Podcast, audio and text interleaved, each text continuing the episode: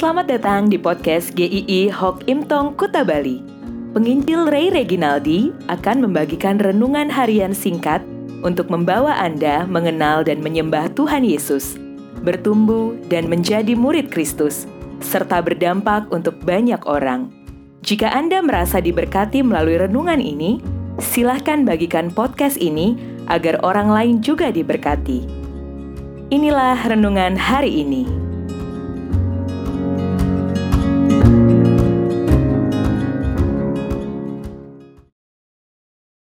Serasa melihat wajah Allah.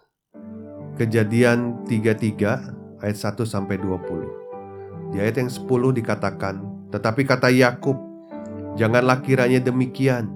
Jikalau aku mendapat kasihmu, terimalah persembahanku ini dari tanganku. Karena memang melihat mukamu adalah bagiku serasa melihat wajah Allah, dan engkau pun berkenan menyambut aku." Memori kita biasanya lebih sulit untuk melupakan kejadian yang menyakitkan daripada kejadian yang menyenangkan. Peristiwa yang menyakitkan biasanya akan terekam begitu lekat dan begitu lama. Esau pun pasti punya memori yang seperti itu yang sudah ada tertanam di dalam pikirannya. Dia punya dendam pada Yakub yang sudah menipunya. Di sisi lain, Yakub pun sadar dia memiliki kesalahan besar kepada Esau.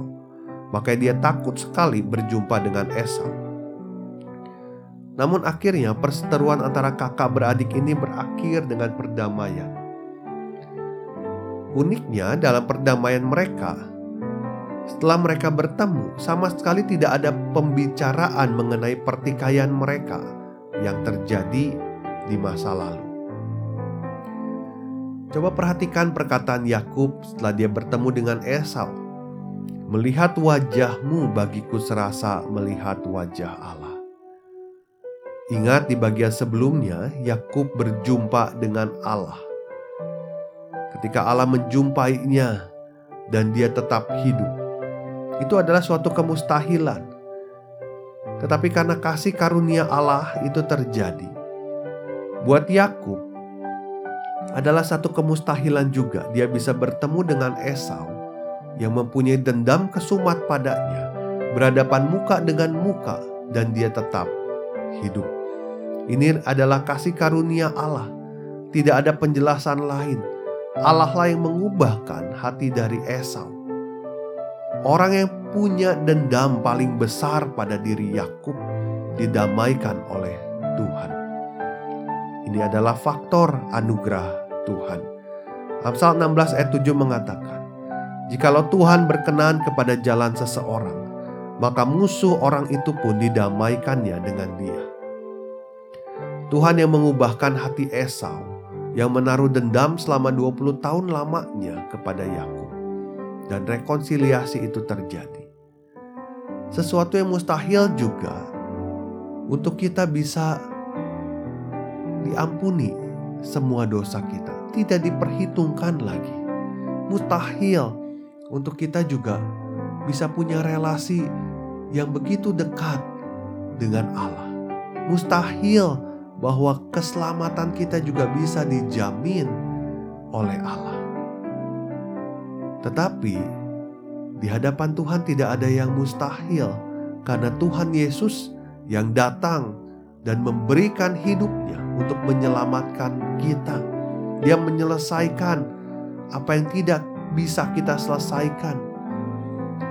Yesaya 53 ayat 5 mengatakan, Tetapi dia tertikam oleh karena pemberontakan kita.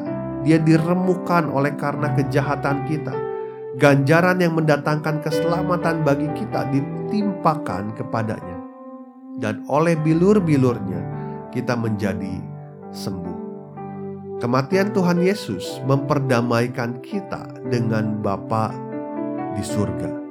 Pengampunan itu sangat mungkin bagi orang percaya. Karena kita sudah menerima pengampunan yang sebetulnya mustahil untuk kita terima.